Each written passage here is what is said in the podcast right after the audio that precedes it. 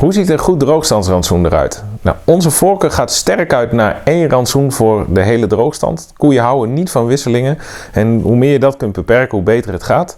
Daarnaast uh, veel opname. 14 kilo droge stof is uh, wat ons betreft het minimum. Um, niet te energiedicht. Dus uh, per kilo droge stof zo'n beetje nou ja, tussen de 800 en 850. Uh, ruw eiwit een koe heeft er ongeveer 2 kilo van nodig. En wat heel belangrijk is, is uh, het rantsoen voldoende aanzuren met uh, het cation-anion verschil. Ehm, dit om de calciumstofwisseling actief te houden gedurende de hele droogstand.